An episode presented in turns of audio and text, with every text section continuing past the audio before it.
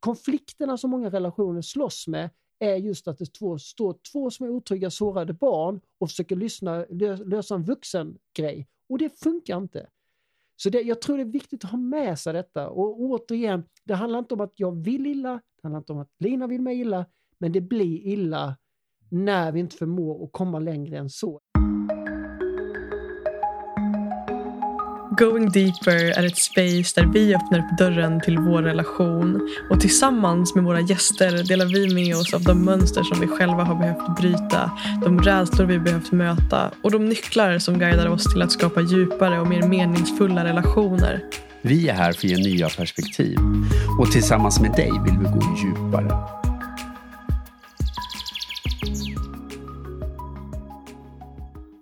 Veckans avsnitt så möter vi Micke Gunnarsson och Lina Karlsson för ett samtal om just relationer. Hur kan vi förhålla oss till vår egen inre läkning och utveckling på ett så ärligt och medvetet sätt som möjligt för att just kunna relatera till vår partner från en plats av närvaro, sårbarhet och kontakt. Vad händer när vi tar ansvar för våra sår, vår historia och vågar titta på våra egna mönster och strategier? Kanske är det inte min partners fel att det blir så som det blir utan kanske handlar det om invanda strategier som vi båda har med oss från förr som gör att vi hamnar där vi hamnar. Ja, det här är inte bara en intervju med två fantastiska förebilder och inspiratörer. Det är också ett samtal mellan fyra stycken vänner och jag upplever att tryggheten och värmen som redan finns oss emellan öppnar upp för både skratt, tårar, allvar och massor av bus i det här samtalet. Och Micke Gunnarsson han är inspiratören, föreläsaren och författaren med över 20 års erfarenhet av personlig utveckling och lärande på olika sätt. Just nu är Micke också aktuell med boken Medvetet föräldraskap om att möta våra barn där de är, inte där vi önskar att de vore. Lina Karlsson är inspiratören och vägledaren som tillsammans med sin syster grundat det holistiska centret Studio Besjälat i Halmstad. Och I mina ögon så är Lina en kraft som vägleder människor till en djupare kontakt med sig själva genom samtal, energibehandlingar och olika former av fri rörelse. Och som kärlekspar så inspirerar Micke och Lina andra par till en ökad närvaro och kontakt genom just samtal, retreats och inspirationsdagar. Och om det skulle vara så att du uppskattar det här avsnittet och det här samtalet och skulle vilja stötta vårt arbete så skulle det betyda allt för oss om du ville prenumerera på podden, kanske dela en recension i appen där du lyssnar eller dela det här avsnittet på din story och tagga oss. På det sättet så hjälper du oss sprida de här samtalen och de här perspektiven och hjälpa fler människor helt enkelt till att få uppleva mer meningsfulla och hälsosamma relationer. Och vill du höra av dig och dela med dig av reflektioner, tankar eller kanske till och med triggers som växer dig kopplat till avsnittet så är du också jättevälkommen att göra det. Mitt namn är Madeleine Mofjärd och du hittar mig enklast på Instagram under namnet Mofjärd. Och nu har det blivit dags att bjuda in Micke och Lina till det här samtalet. Hej och välkomna Micke Gunnarsson och Lina Karlsson till Going Deeper. Hej. Hej. Hej. Vad kul det vara Det är jättefint att ha er här. Nu kör vi. Mm. Ja. Hej och välkomna Micke Gunnarsson och Lina Karlsson till Going Deeper. Hej. Hej. Hej. Och tack för att vi får komma hit här. Ja, Mm. så himla fint. Det känns som att den här stunden har liksom fått marineras. Ja, det, ja, det jag älskar det Madde. Kan jag få fånga upp den? Jag tänker att vi stänger inte av nu Madde. Stäng inte av. Vi, vi håller kvar här nu. ja, det är på play allting. Ja, allt är med. Allt är med. Jag tycker... Ja. Tack för all uppvärmning inför det här samtalet. Ja. Vi har ju nästan pratat, hur många timmar har vi pratat innan här nu? Och så sa vi, det är bra om vi tar podden i början. Mm. Precis, innan vi liksom tröttar ut våra hjärnor. Och det har vi redan gjort. Och Ja. nu trycker vi på play ändå. Mm. Det är så Ehm. här det blir när det är liksom en verklig nära stund. Taget direkt ur livet. Vi är här nu. Svårt att rädda upp det, men, men jag, jag tror att det kan vara så här att nu har vi skrattat, vi har pratat om massa allvarliga saker, vi har pratat om djupa saker, vi har skrattat, Mm. halvgråtit. Det är kanske precis nu vi är redo för att going deeper och bara försöka vara Mm. i det. Och att det känns så viktigt för mig att också när man pratar och jobbar med allvarliga saker som handlar om människors Mm. utveckling och relationer, att det måste också finnas lov för skrattet och buset och det totalt oprofessionella. Det är bara galna. Att det är en sån viktig del i våra liv. Så vi inte glömmer det så vi bara går runt och är skitnödiga och viktiga hela tiden. Mm. Håller med. Mm. Så vackert. fint. Vilken utandning på det. Mm. Jättetack. Jag tänker ehm, att min längtan, och nu pratar jag för mig, nu har vi Peter med oss också här, är att få dyka in med er och utforska perspektiv som rör att just skapa liksom, närhet och kontakt i relationer. Mm. Och, vilket är ett tema som jag inspireras väldigt mycket av när det kommer till er och er relation och så vidare. Så jag tänker att det vill jag och vi utforska mer idag. Eh, och innan vi gör det så skulle jag vilja höra, hur är det, hur, hur mår ni? Hur mår era hjärtan? Hur är det att vara Micke och Lina idag? Mm. Mm. Vill du börja? Mm, ja. Tack för frågan, Madde. Just nu där jag sitter här så känner jag att jag känner mig väldigt eh, gosig och varm och uppfylld. Ehm, mitt ord för precis just nu är så mycket tacksamhet eh, inför många olika delar i livet. Ehm, det har varit en väldigt djupdykande period i februari månad kan jag verkligen, verkligen uppleva. Ehm, och nu så är det som att, precis som du sa förut här, som en utandning att bara, ah, nu njuter vi lite. Mm. Så Mm. tacksam. Jag känner det är ordet för just nu. Mm. Tack. Ehm, tack så mycket för det Lina.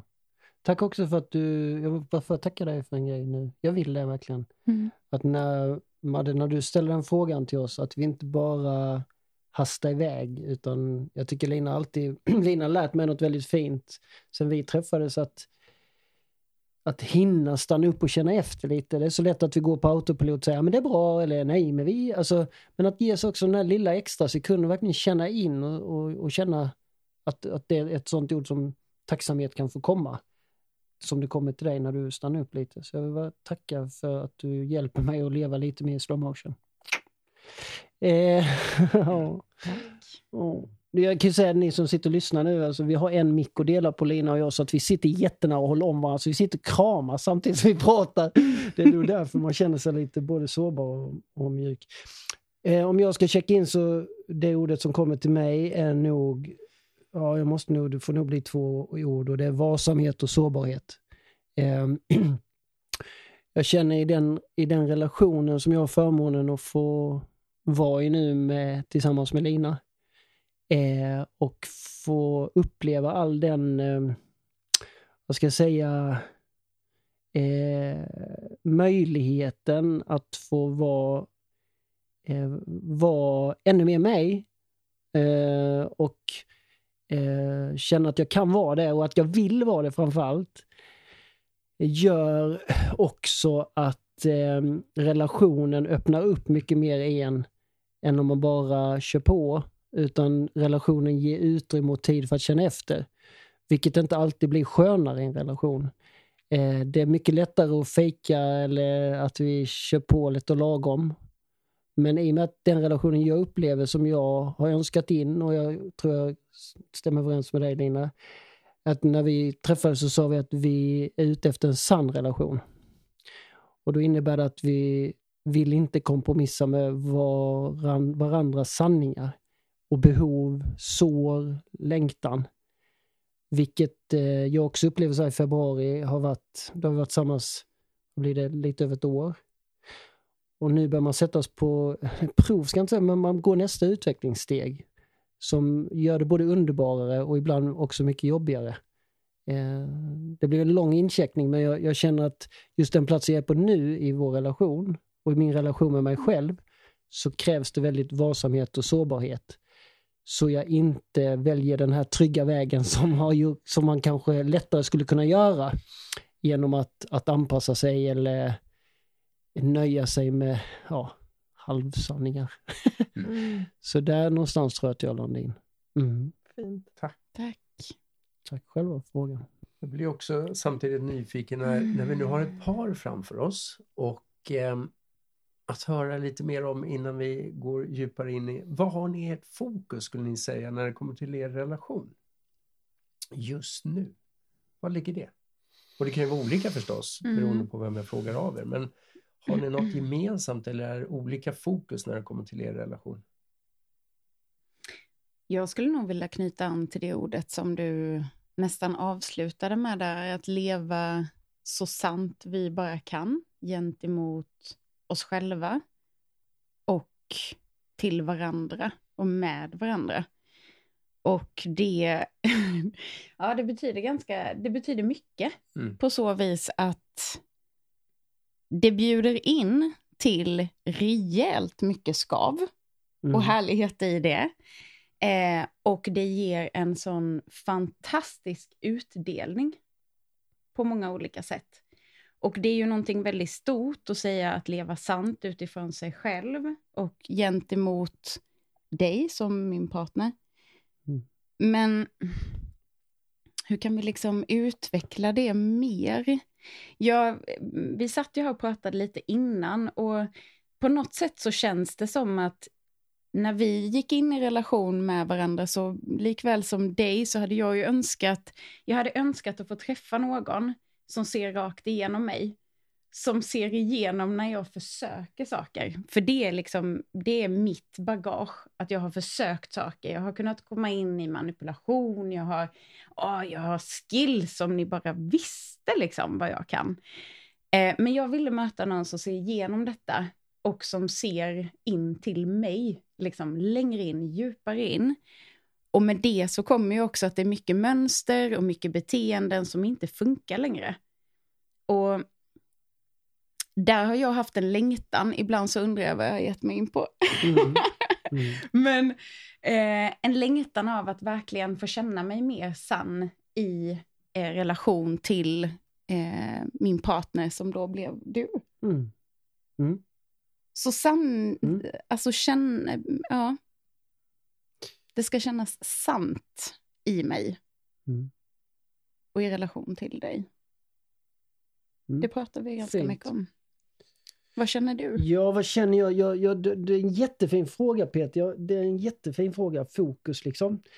Eh, Den borde man nog ställa sig lite oftare. Jag, just nu när jag sitter i soffan så blir det ett fokus handlar om läkning.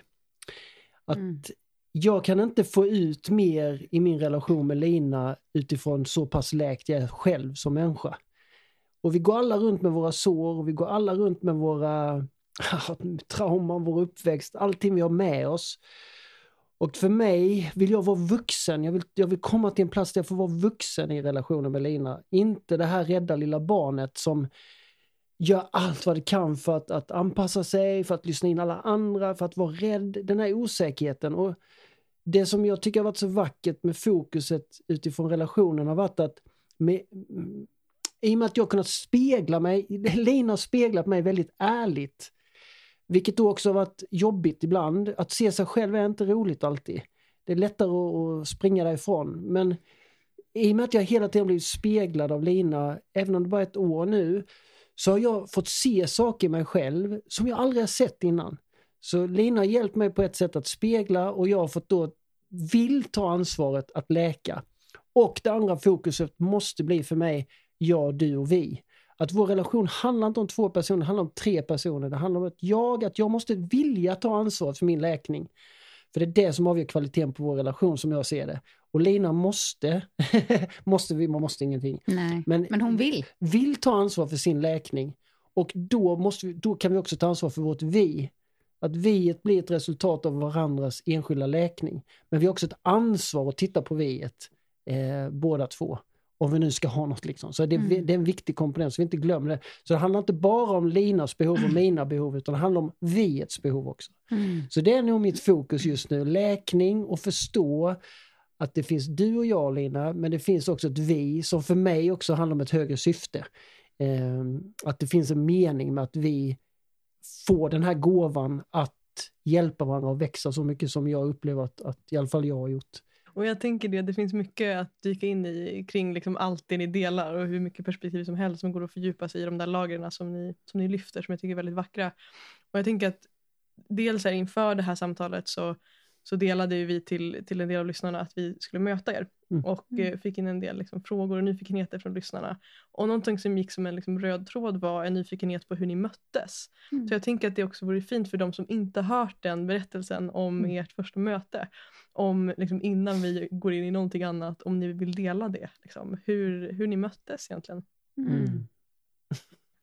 Jag ska ta Ja, men eh, ja, vi kan väl hjälpas hjälps åt åt, lite. hjälps åt. Det, Ja. ja, då spolar vi tillbaka tiden. Mm.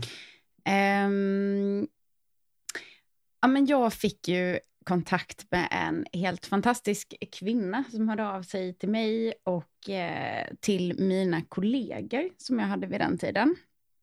Och berättade att eh, hon ville komma till Halmstad och hon ville göra allt som vi erbjöd eh, där jag arbetade då. Eh, och ville komma till mig på energibehandling och eh, ha en hel dag tillsammans med oss. Och absolut, hon skulle åka långt från Sverige eh, ner till Halmstad. Och då, så över 50 mil eller vad det var. ja, ja, ja det, var, det var långt liksom. Och vad roligt. Och vi snickrade ihop en underbar dag för henne. Så här. Och så bara kom det så här, hur, hur har du kommit i kontakt med oss här nere i Halmstad? Ja, men det är ju via Micke Gunnarssons app. Va? Vad, hur menar du då? Jo, men han la ut ett sånt jättefint inlägg om er där. Jaha, okej. Så jag hör av mig till Micke och frågar då, eh, för jag har följt Micke under många år och haft honom i ryggen när jag har jobbat i skolans värld och verkligen känt så här jättestyrka och, och på ett sätt känt eh, ja, men både kraft och en väldig närhet till det som du har delat kring barn och ungdomar framför allt. Eh, och då säger du att jo men absolut, det stämmer ju. Jag eh, lånade ju en bild eh, ifrån er som jag tyckte väldigt mycket om och skrev och så skickade han en skärmdump på det. Och, Och det min... hade jag sagt det för jag hade Ja. frågat er om lov om jag fick eh, Använda låna bilden. bilden. Ja. Absolut. Eh, och min reaktion på det blev så mycket djupare än vad jag förstod riktigt då. Men jag, det kom till, jag började storgråta, alltså på djupet gråta, spelar in ett meddelande till Micke och tackar för att vi gör det här livets resa liksom tillsammans på ett sätt då. Eh, I att vi hjälper varandra, förmedlar och delar så vackert om varandra. Och jag var så himla rörd. Um, och vi har ju lyssnat på det här meddelandet sen i efterhand och uh, härligt att gå tillbaka. Uh, och från att jag hade delat det till dig eh, så skickade du tillbaka och, och ja, det får ju du dela. Ja, men jag, jag kan säga jag satt på ett café, ett fik och då fick jag upp, jag, det, inte, så- det var inte så ofta då jag fick röstmeddelanden, då ser jag det här röstmeddelandet så jag lyssnar på Lina och hon storgråter. Plus att du hade skickat den här låten eh, med Cat Stevens, eh, Can't keep it in. Can't keep it in, som är en, Mm. liksom en hyllning till kärleken. Alltså just det här att, att, att vi... Man... Så, och då när jag får det så börjar jag gråta på kaféet för att det berörde mig så himla fint. Det var så fint eh, tackhälsning från dig. Och just då, och du, du, du, du, du säger jag vill tacka dig, kan jag skicka någon olja eller kan jag ge någon behandling? Och, så här. Mm. och jag mer sa nej men det behövs inte, det var fint bara att det, att det blev så här bra för dig. Liksom. Men sen så i den här i den situationen jag befann mig i då så hade eh, jag och min tidigare då, mina barns mamma, vi hade bestämt oss efter 30 år att bryta upp eh, och separera. Och eh, bara strax innan där hade också min pappa dött väldigt, väldigt hastigt och lustigt. Så jag var på en väldigt, jag var på en väldigt sårbar plats i mig. Och eh, ja, jag tänkte inte mer på det, men eller, nu kanske jag missar lite kronologiskt, men någonstans där, eller gör det? Nej, kör på. Ja, men i alla fall, i alla fall det, som, det som händer är i alla fall att jag ska åka ett jobb i Varberg och ska sova över i Halmstad. Och då när jag eh, eh, ska eh, åka till Halmstad så kommer jag på, för då är jag i den här jättejobbiga, jag, livet sådär jobbigt, jobbigt. Och så ska jag åka till Halmstad. Och så tänker jag, just det, det var ju den här kvinnan som skickade eh, ett förslag om en behandling. Och då tänkte jag så här, är det någon gång jag behöver massagebehandling, vilket jag trodde det var då, så, så är det nog nu. Så jag kontaktar Lina och säger, nu, nu ska jag, jag ska jobba i, jag ska sova i Halmstad. Har du någon tid som jag skulle kunna få en behandling. Och då knödde du in någonting, du jobbade på dagen, ja. Mm. men i alla fall du knödde in en tid. Och då, eh, för jag, vi kan korta ner men då kom jag till den här studion och väntar på Lina där. Och det, jag vet att det kommer låta konstpartiet men jag står och väntar. Lina öppnar dörren och kommer in. Och det är lite annat folk också. Mm. Och när jag ser Lina här så bara känner jag jäklar. Det här, det här, det här, någonting händer mig här nu. Och det som är så roligt också, vi kan ju säga det, Mm. när Lina och jag går fram till varandra och ska hälsa, så börjar, detta låter jättekonstigt också, men då börjar lamporna i hela den här studion börja blinka och bara stå och fladdrar. Och sen är det en ljusramp som släcks. Och Mm. så. Den slocknar helt. Ehm, La ni märke till det då? Eller, Ja. var, eller blev det efteråt? ägaren gjorde ju det. Jo, men det gjorde vi. För vi precis, Mickan då som har studion, vi stod vi tre som i liksom en triangel eh, och var på hon tittade på det här och bara nej, det är helt nyinstallerat, de gjorde det här förra veckan, det är helt orimligt. Och sen så slocknade det då. Ja. Eh, och det, alltså min tolkning på det var ju verkligen att det var ett så stort energimöte eh, som skedde där och då på platsen. Eh, för sen funkade ju allting igen. det var Det- inget som hade gått sönder. Så det var väldigt... Eh, Ja, och det, jag tänker alla får bilda sin uppfattning, men det, var, det, det blinkade till. mm. Eh, och sen då ska vi gå in och ha behandlingen och då, tro, då trodde jag att det var typ massage. Jag visste inte vad det var riktigt, energibehandling. Men då, det det egentligen handlade om för mig var att du hjälp, ja, processade mig i en och en halv timme nästan. Mm. Där jag fick möta trauman, ledsamhet och så du fick se mig direkt liksom i tårar, i fosterställning. I, alltså jag visade allt mitt jag hade där eh, Mm. som, som Lina fick möta. Och sen satt vi och pratade till morgonen och bara pratade. Och vi började, eller jag, jag vet inte när vi började ana att vi höll rätt länge på att det blev en relation. Liksom. Men, Mm. men, Men det var eh, ett speciellt möte. Det var ett, ehm, ett möte på djupet. Dels då att jag fick möta dig i, ehm, mm, eh, som terapeut först. Och det var också väldigt så här med att ta av sig terapeutrocken och sitta och fortsätta samtala. Att vi, det, vi visade ju, det visade sig att vi hade väldigt, väldigt mycket att dela med varandra. Mm. Eh, och många lika synsätt på saker och ting och också inte. Men många fina samtal. Eh, både då och sen. Och det kändes på något sätt väldigt hemma från början. Det ja, kändes verkligen. väldigt tryggt och eh, just det här att vi, vi kunde dyka ner i Mm. många olika eh, delar som... Ja, det kändes väldigt Ja. nära.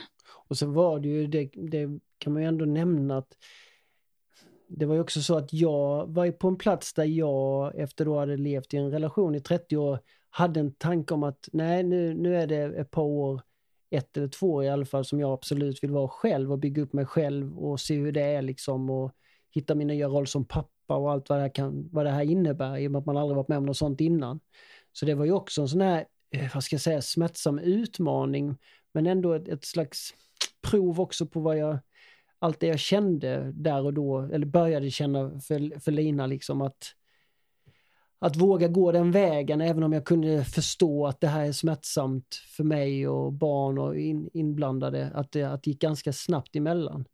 Eh, så det, det var ju också en utmaning. En annan utmaning som jag ändå vill säga också, det var att dagen efter så kontaktade jag Lina och frågade, liksom, för jag kände, vad, var det som hände igår? Liksom, så jag frågade om jag kunde komma och ta en fika hos dig snabbt dagen efter, bara för ja, bara, bara, bara känna in liksom sådär.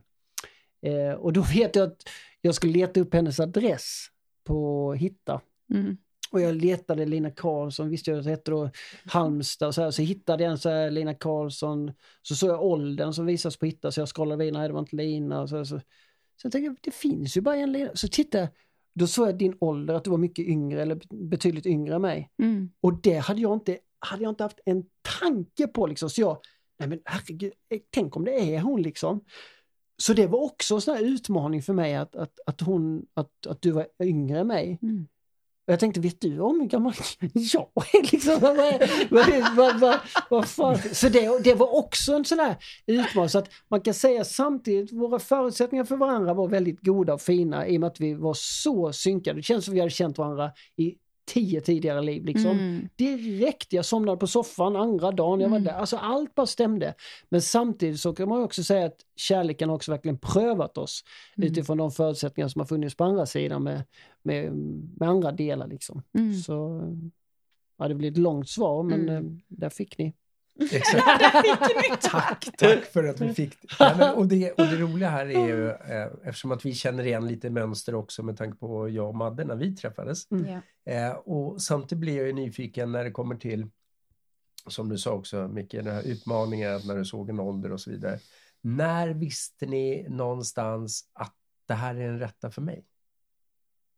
Var det, kom det liksom snabbt in eller var, är det någonting som har vuxit fram? Eller, för jag tolkar ändå när ni berättar att det, var- det var ändå så pass vad ska vi säga, kraftfullt att, Mm. att det satte igång någonting och till och med, jag menar Micke, ditt tvivel då på när, och jag känner igen mig i det du, du säger att jag hade också en tanke att jag ville vara själv ett, två år, absolut. Jag Mm. hade inte ens en tanke på att kliva in i en relation. Mm. Eh, Så därför blev jag nyfiken, när visste ni det?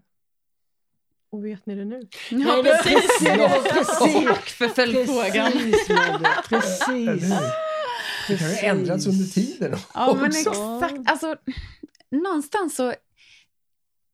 Det har ju varit ett... Jag har aldrig i mitt liv tidigare känt den känslan som, som jag har, den självklarheten tillsammans med dig. Och där skulle jag vilja så här, jag kan inte säga annat än att det är på ett själsligt plan. För att åldrar, utseenden, eh, intressen, ytterditt, ytterditt, allt det här, det är liksom någon slags bidel av det här. För det finns ett så djupt inneboende jag i mig i relation till Micke. Och jag tror du var nuddade på det lite med just eh, att det finns liksom en, en andlig ehm, aspekt utav vår relation. Men det finns på något sätt en djupare självklarhet med vår relation som bara känns. Alltså, jag, bara, jag kan bara svara för mig själv att jag Mm. bara vet och så länge jag bara känner att jag vet att, att jag eh, ehm, vill vara i relation med dig och du känner detsamma. Och jag, det, det kändes jättesnabbt. Mm. Jag kan inte säga att det var första kvällen, det kan jag inte göra. Eller Va? som blev då, nej. Mikael, vi har pratat om det här. Eh, nej, nej, det kan jag inte göra, men jag tror också det hade lite att göra med att det blev någon slags förvirring också i att jag var i en terapeutroll till en början. Eh, och hade heller ingen aning om där och då att du stod i en separation. Eh, eller du berättade det när vi sågs då, men det, det var ju liksom, jag har ju alltid sett Micke som, som i en relation med en annan eh, kvinna, som vilken annan följare som helst som har varit med på din resa. Liksom. Så det var så många nya delar som kom upp där samma, samma dag när vi möttes. Men, men eh, dagarna efter, skulle jag säga. Ja, jag, jag hänger på Madde lite där. Alltså, just den frågan, när visste du att detta var den rätte? Så kan jag säga så här att den, jag vill inte ens ha den kanske frågan med mig längre i en relation på det sättet. Beroende på då Peter vad man lägger för värdering i det. Utan, för på ena sidan skulle jag kunna säga så här att jag kände det med en gång.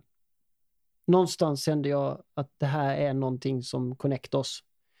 Men samtidigt kan jag också känna i, eh, idag att detta är, någon, detta är något helt annan tanke. Vår, för mig är vår relation något helt annat än de tankar jag haft tidigare om vad en relation ska handla om. Om en, om en relation innan har handlat om att hitta den rätta, eh, liksom, jag kan nästan se när liksom prinsen och d- Askungen-sagan och hitta den rätta och så lever de lyckliga alla sina dagar och sådär. Nej, jag vill, det är inte jag så intresserad av längre, utan jag är intresserad av att hitta någon som är beredd och göra en resa ihop med mig, ett träningsläger där vi vill hjälpa varandra att leva så fullt ut vi kan, var och en och tillsammans. Och där tänker jag att eh, på det planet, jag, jag, bara- jag bara, just när du sa det här är den rätte så var det någonting i mig som, som ja, men skavde lite. Så att det jag brukar, det vi brukar säga ibland, och det kanske inte, det är ju att jag kan uppleva att vi hänger löst. På ett sätt. Att det, jag är inte ute efter den här där vi ska cementera in oss i en hård, liksom fastslimmad relation och sjunga I can't live without you and you're my only one. Utan skapa space, luft, tillit, trygghet. Eh, och när jag säger hänger löst är att vi får rum att andas, inga självklarheter, att vi hela tiden vågar vara sanna. För om vi ska liksom, vad ska jag säga, hitta ett kontrakt där vi lovar saker, då är risken att vi inte vågar vara sanna. För då utmanar vi den konstruktionen. Det är därför jag ser att jag vill ha en le jag, liksom, jag känner att vår relation, den är så levande. Både utifrån ett perspektiv där jag bara aldrig, alltså jag känner så mycket kärlek, känslor, frihet. Alltså, skulle någon följa med oss, jag, jag, jag kan nog säga att jag gråter nästan varje vecka av tacksamhet i närheten, att bara få vara mig själv, att jag älskar mig själv så mycket i närheten av Lina, för att hon, jag känner mig älskad som jag är. Men jag menar bara att jag tror för att det ska kunna ske och våga vara sann, så kan man, så måste man våga också hänga löst. För jag vet inte om ni är med på tanken. Och det handlar inte om att, att skita i vilket. Tvärtom skulle jag vilja säga. Du kan cementera en relation och så går du runt och inte är sann. Du går runt och är halvolycklig. Du vågar inte säga egentligen vad du tycker. Du vågar inte be om det du längtar efter. Och så bygger man en konstruktion. Och så egentligen går man runt och är ganska kanske till och med ledsen på varandra. Och därför känner jag att eh, det här sättet som jag, som jag upplever vår relation nu, det är att det ena dagen kan vara så fruktansvärt jobbig och så ledsam och så smärtsam så att tårarna kommer av ren smärta. Men då vet jag att det inte är Lina som skapar den smärtan i mig, smärtan ägs i mig. Innan skulle jag, då skulle jag kunna projicera det på Lina och säga du är dum i huvudet, varför gör du inte så här? Och så hade, kastat, alltså, hade vi separerat. Men nu förstår jag att varje gång det är ont i vår relation så handlar det om mig. Och det tycker jag är wow vad jag vill detta. Wow vad jag vill Lina med den här resan. Mm. Ja, men jättefint. oh, shit, Och någonstans så, om man skulle göra om den meningen så den rätta för nu. Att det Ja. hela tiden blir, eh, Exakt. Blir för nu. Och det är exakt vad jag är ute Mm. efter också. För jag, jag smakade också på det här med att hänga lös. Mm. För mig kändes också lite så här, nej men shit, jag vill inte uppleva att jag hänger lös varje Mm. dag, för det skapar ingen trygghet. Men däremot veta att för varje dag nu så väljer jag dig. Ja. Mm. Eh, och det är inte för allt, alltså det är för nu. Ja. Mm. Och någonstans blir det också väldigt fint kan jag tycka att, att våga ifrågasätta också normer för hur en relation ska vara. Mm. Eh, och, och det har jag väl, vågar jag säga också, vi fått verkligen eh, utmanas och växa i. För Mm. att det är just det här när det kommer till en åldersskillnad eller eh, vad många anser kanske för tidigt efter en längre Mm. relation och så vidare. Och jag kapitulerar helt i det, för ibland blir det också så här, men jag hade inte en tanke på det, men vad gör Mm. jag när liksom kyrkklockorna stannar och jag bara Mm. står, alltså jag kunde gå på rädsla och Mm. verkligen inte kasta mig in i det här. Och samtidigt som jag sa till Madde i morse att jäklar de här tre åren ändå som, ja, som vi ändå har sett så, så har det blivit så här wow, Mm. jäklar vad jag har vuxit för jag har lärt mig mycket om mig själv. Mm. Och just det, jag vet inte vem av er som sa det, men det här att att jag älskar mig själv ännu mer med dig, alltså med Madde. Alltså Mm. att jag får vara det där som jag önskar att jag har liksom fått vara hela tiden. Mm. Men jag har inte förmått mig att vara där. Så Mm. att jag, jag lägger verkligen ingen liksom skuld på någon annan, utan jag har inte varit där. Och, och då är det fint att få se en relation att växa. Mm. Tänker jag, att verkligen få växa tillsammans. Jag tänker det här begreppet som liksom florerar mycket, dels på sociala medier, jag har också hört er benämna det här begreppet medvetna relationer. Tycker jag är någonting som är, eh, så vore fint att liksom boxa upp lite, unpack Mm. eh, med er. Och där tänker jag, jag är nyfiken då på att höra er, liksom, ja, vad, vad, vad tänker ni kännetecknar en medveten relation? Mm. Typ precis exakt detta. Att man stannar upp. Eh, stannar upp, känner efter, reflekterar, diskuterar. Vänder, vågar vända och vrida på saker och ting. Att göra medvetna val, det som vi precis pratade om här, ett av de medvetna valen skulle jag säga är varje dag eh, i att kunna antingen fysiskt då, eller vi som har en relation också delvis på, på distans, att välja varandra varje dag blir ju ett medvetet val i relationen. Och som en liten så här, daglig avstämning av är det dig jag vill vara med mm. idag också? Eller hänger han löst? Eller hänger han löst på en liten tråd? jo men och ibland kan det ju kännas så. Det hänger löst i en tråd. Och så bara, mm. det är dig jag vill vara med. Mm. Det är dig jag vill vara med. Och precis det här som du också pratade om eh, för en liten stund sedan, att all den här smärtan och allt detta, att komma till en medvetenhet om att det handlar faktiskt om mig. Det handlar inte om den som är mitt emot mig just nu. Det för mig är nog en av eh, de sakerna jag skulle vilja svara allra först här. Att det är för mig medvetenhet i en relation. Eh, att inse vad ordet projektion innebär. ja. Jag tror, jag, om, jag skulle, om jag också skulle ge mig på min någon slags definition av medveten rel, relation så är det, jag tänker så här. Eh, det är en, att, att leva i medveten relation, det är när du är villig och blir nyfiken och vilja ta ansvar för det bagage du själv har med dig som kommer påverka den relation du går in i och att du vill vara modig nog och ta det jobbet det krävs i dig själv för att kunna leva medvetet med en annan människa. Mm. Det lät mm. nästan som jag skrev ner det. Wow. wow. Quota detta. någonstans, någonstans där så landade det in för mm. mig. Mm. Eh, och det är det jag kan tycka, eh, ja det är en skillnad. Mm. Det, är en, det, är en, det är en viss skillnad i det. Mm. Mm. Och, och, för att våga, liksom, våga till och med ifrågasätta det, för nu sitter vi och pratar om medvetna relationer. Mm. Om vi vänder på det och säger så här, varför ska vi ha en medveten relation? Vad, vad liksom skapar det för mervärde som ni ser? Vad, vad... Ja, alltså det, jag, jag ser mycket bilder Peter. Eh, och... I'm with you. I'm with you. Ja, men det är väldigt lätt och jag har själv varit där i relationer och inte bara i kärleksrelationer utan vänskapsrelationer, i relation till min älskade syster. Att det är väldigt lätt att gå in i en relation likt en murgröna. Att man växer ihop och man kletar ihop sig och det kan bli ganska trassligt till slut. Vem är vem och vad är vad och hur är hur. Eh, men där, där älskar jag liknelsen utav två stadiga och starka solrosor som kan få stå i liksom sin fulla kraft var och en. Eh, och sen så säger man, jag har inte själv sett detta så jag får väl säga att det, det säger man, att solrosorna liksom alstrar energi och sol dagtid och nattetid så vänder de sig emot varandra och delar den energin. Och någonstans så att kunna stå bredvid varandra och alstra och stråla och skina som två individer och sen också kunna dela energi när man behöver. Eh, det är för mig en bild som är väldigt, väldigt stark.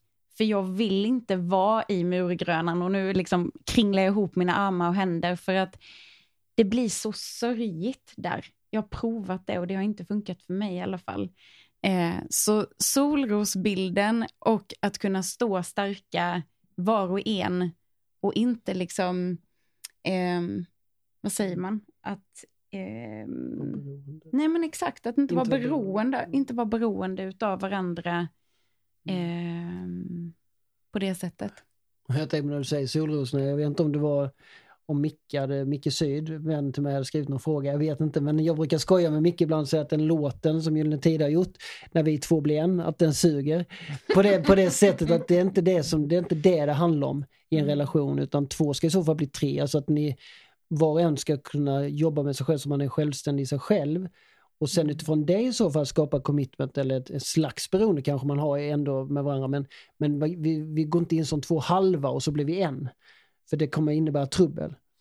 Eh, det, det, är en jättebra fråga där om vi vänder på det då, varför ska man vara i medveten relation?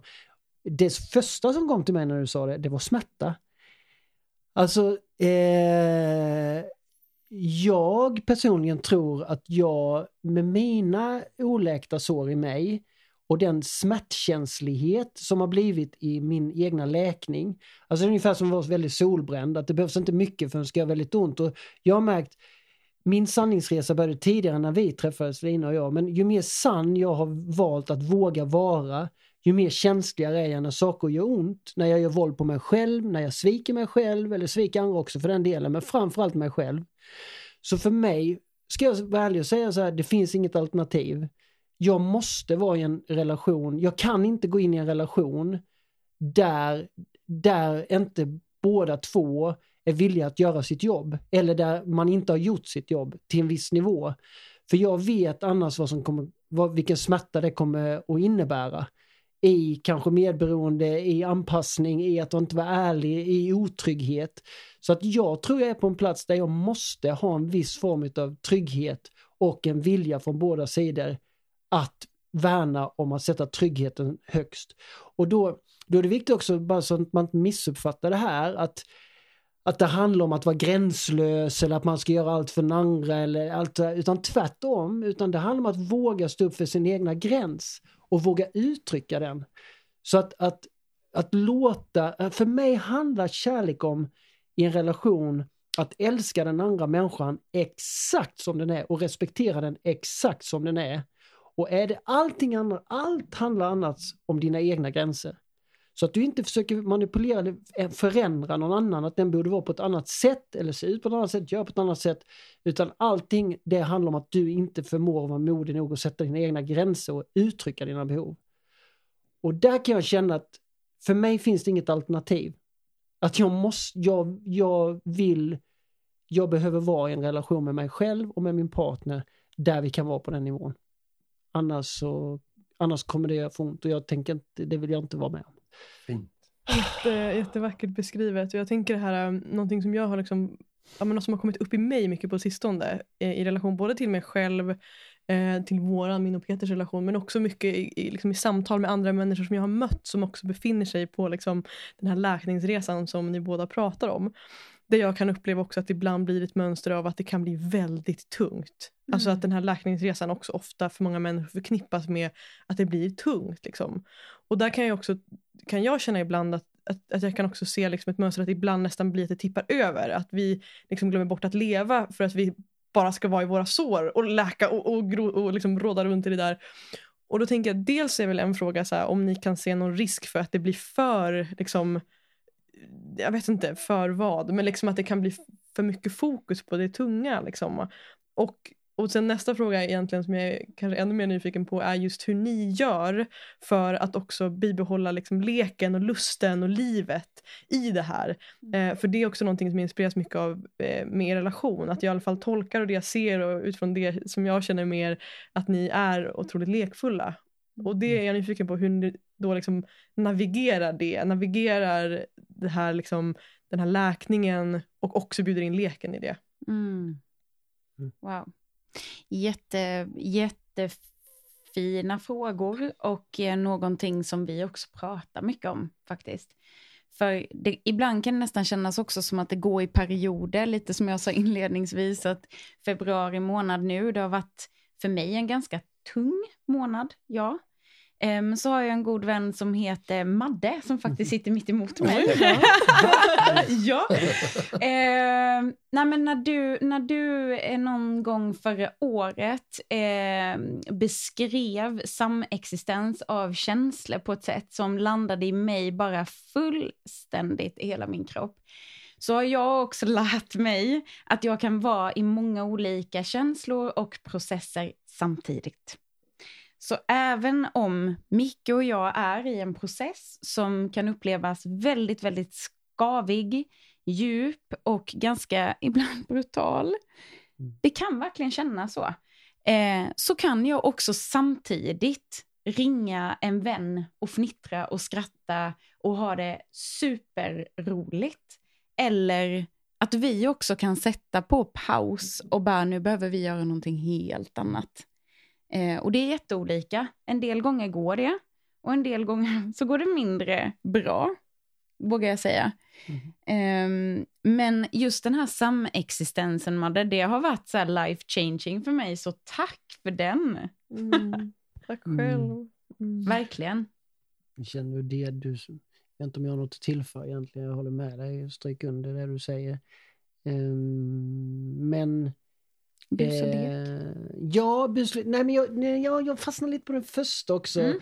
Just det här att eh, kan det bli för djupt? Liksom? Kan, eh, hur, hur simmar man upp? Måste ha syre någon gång?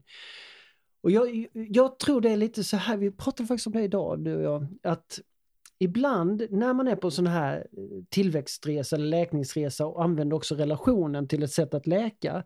Då tänker jag så att det, det, det kommer vara liksom, det kan finnas kontinuerligt små vägbulor. Sådär, ah, det här får vi titta på, ah, det där kändes inte bra. Alltså att det är lite så. Men sen ibland måste vi djupdyka. Jag kan känna det i alla fall och, och det jag tänker nu när du är så brutalt så vill jag verkligen säga till er som lyssnar att när det känns som mest brutalt så är det inte mellan lina med att vi står och kastar grejer på varandra eller liksom beter oss brutalt mot varandra.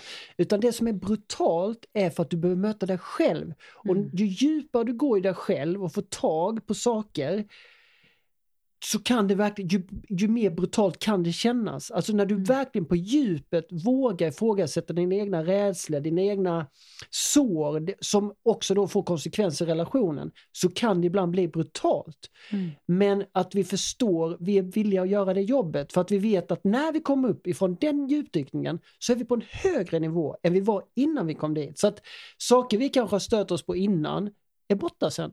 För det, vi har levlat upp. Men det kommer ju ständigt nya saker. Men, och det vi påminner oss ibland är väl så här, nej vi måste äta glass. Nu är det bara sockervadd och glass. Nu är det bara bus. Nu är det bara lek. Vi dansar lite. Alltså att, Mm. Så att vi även, vi kan inte bara vara på djupet utan vi måste också vara på ytan. Men att de måste få finnas båda två. Ehm, och, och där tycker jag, jag tycker det är skitroligt, alltså vi, dansen har ju, jag tycker jag är vansinnigt roligt att vi, Mm. vi och sen är vi lite flippa, alltså vi tycker det är kul att leka och busa och utforska liksom. Ja, men det är faktiskt mycket så kul när jag fick frågan eh, bara för en vecka sedan. Ja. Ja. så här, då fick jag en fråga, vad är det mest pinsamma du har gjort? Ja. Och på riktigt så var det så här att jag kunde inte svara. Vad är det mest pinsamma du har gjort Lina? Och jag satt och värkte, jag försökte verkligen krysta fram någonting men jag fick inte fram någonting. Och jag tror lite grann, du har ju någon slags quote på det sen tidigare kring pinsamhet, men jag tror också att jag har nog en ganska hög pinsamhetsgradnivå eh, eller hur man nu ser det, men jag tycker inte så mycket är pinsamt. Och det kanske också hör ihop lite med lek och bus och att kunna släppa på saker och att det, det för mig, jag vet inte var det där kommer ifrån riktigt, men det rör inte mig så mycket och då finns det ett ganska stort spann att göra mycket grejer. Jag, det var vad jag kopplade direkt nu till, till frågan där, att vi har ju ganska mycket bus för oss på många sätt och vis som kanske också ganska, det bara sker ju oss emellan. Vi är ju rätt lika men jag, jag tänker också, jag vill nog ändå säga att jag har blivit mer busigare det här med, jag har nog blivit mer busigare senaste tiden på lite olika sätt som jag upplever busigt som jag inte har varit innan. Men jag tror det också handlat om att jag, jag eh, vad ska jag säga, jag känner mig väldigt eh, trygg i att testa det buset. Eh, och att jag red, jag har kommit till en plats i mig själv där att busa och våga vara fri i mig själv har blivit viktigare för mig nu. Så det är lite som du sa också Peter innan att det handlar inte om någon annan människa i tidigare livet utan det handlar om att jag hamnar på en plats nu där jag har kommit till en så pass stor läkning att nu kan jag säga att nej, jag vill måla naglarna svarta. Jag vill dansa, jag vill vara på en nudiststrand. Jag vill, alltså, och jag bara gör det. För att det. Och det handlar ju om att jag har blivit trygg. Plus då att jag är i en relation där vi är så pass lika så att vi, vi tycker det är kul när vi hjälper varandra att leva mer. För det är det, det är annars, det är det enda skälet varför vi är tillsammans, för att vi lever så mycket det bara går. Och jag, jag minns en sån jättefin grej, jag kan bara ta kort, men när vi skulle gå ut första gången och äta på restaurang Mm. och eh, där jag kände, jag hade känt en liten craving, några år faktiskt, att jag skulle vilja måla naglarna för första gången. Jag vet, jag hade lite vänner, manliga vänner som hade målat naglar, jag tyckte det var lite coolt.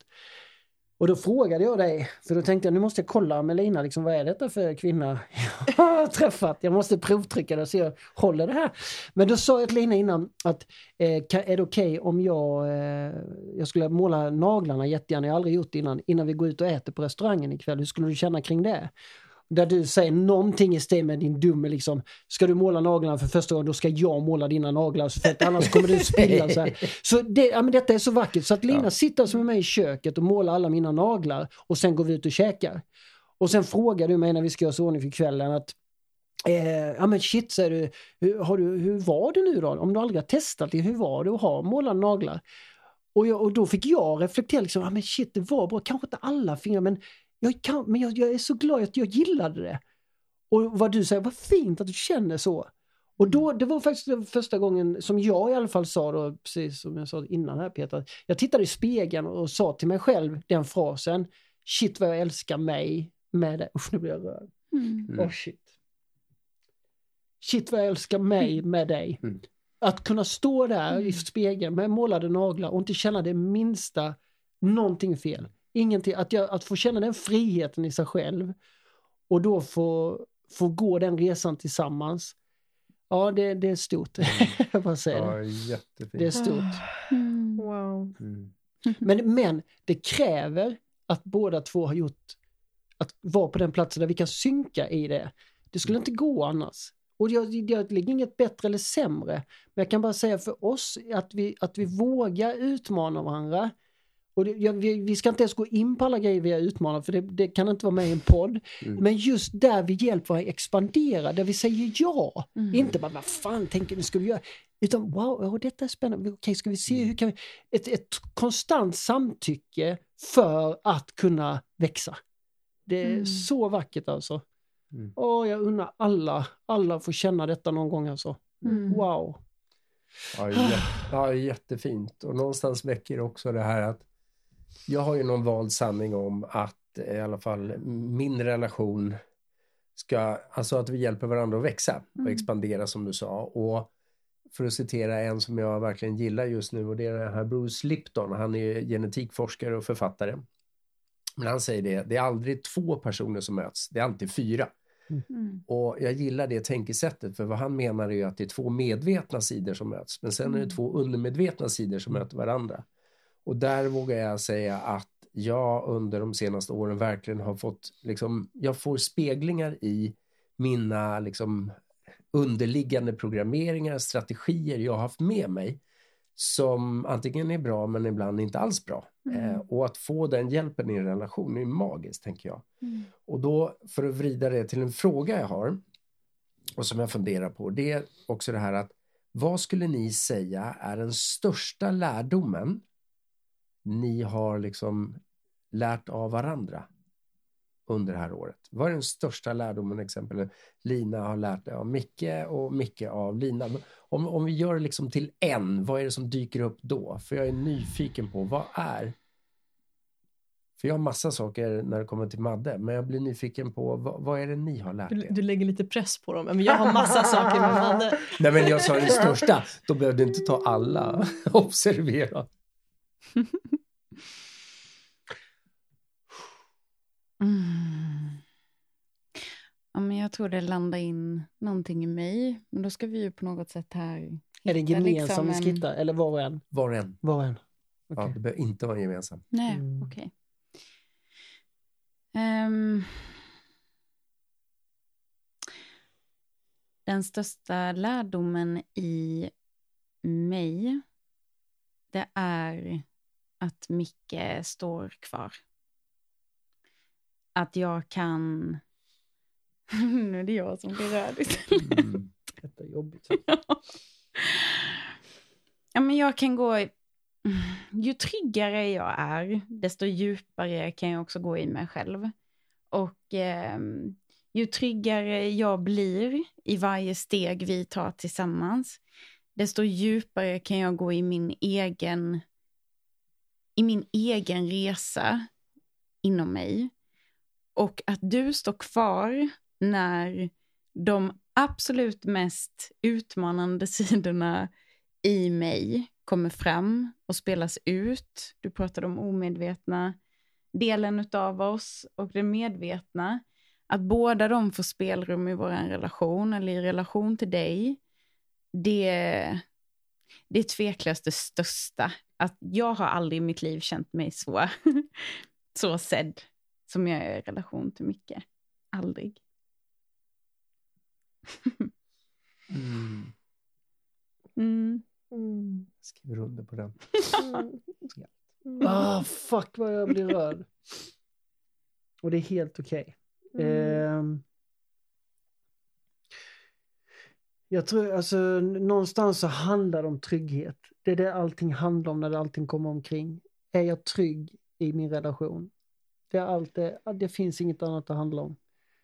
Och jag tror för min, min största lärdom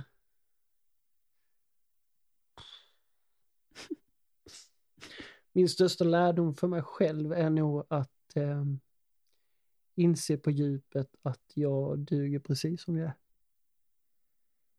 Och känner mig älskad utifrån det. Det är den största lärdom. Mm. Och att jag vågar visa hela mig. Och det är också det jag vill bara säga också, hänga löst, shit vad jag gråter. Hänga löst handlar också om att jag inte är rädd för att Lina, jag är inte rädd. Skulle Lina säga till mig imorgon att jag lämnar dig nu, så är inte jag rädd. Mm. Jag är inte rädd för vår relations varande eller icke-varande. Jag är tacksam för varje sekund, men jag behöver inte vara rädd. Därför jag, behöver jag inte vara rädd, så vågar jag också vara hela mig. Antingen kräver jag att du ska lova mig att vara ihop och då kanske våga vara, men det funkar inte så i en relation, då kväver vi kärleken. Kärleken måste vara fri. Och för mig handlar det om att kunna känna den orädslan och istället känna mig så trygg med Lina gör att jag kan vara hela mig. Och det tror jag det är bland det finaste man kan få uppleva. Så det är nog min lärdom. Att eh, jag duger som jag är. Mm. Mm. Wow. Mm. Det är så vackert det ni delar också för det, det som slår mig i det är liksom dels hur otroligt vackert och djupt det är det ni delar och också någon typ av sorg för jag inser att jag tror att det är många relationer där upplevelsen kanske är just precis tvärt emot det ni delar. Alltså upplevelsen av att inte få vara hela sig. Att man kanske har nöjt sig med någonting där, där vi inte känner oss välkomna. Liksom. Mm. Eh, och jag tänker, jag, jag, det vi är inne på och touchar nu rör, kopplar an till en lyssnarfråga vi har fått in kring just det här att, att få vara i alla lägen med varandra Mm. liksom, och att få vara välkommen i relationen i det höga, i det låga och så vidare. Mm. Så jag känner att jag vill, jag vill lyfta in den nu och så Mm. ja, ser vi vart vi landar i det. Det kommer från en, en man som heter Fredrik och han, eh, han frågar så här. Hur gör ni, eller är, med varandra när någon av er känner sig avstängd, drar sig undan eller livet generellt bara känns tråkigt och oinspirerat? Mm.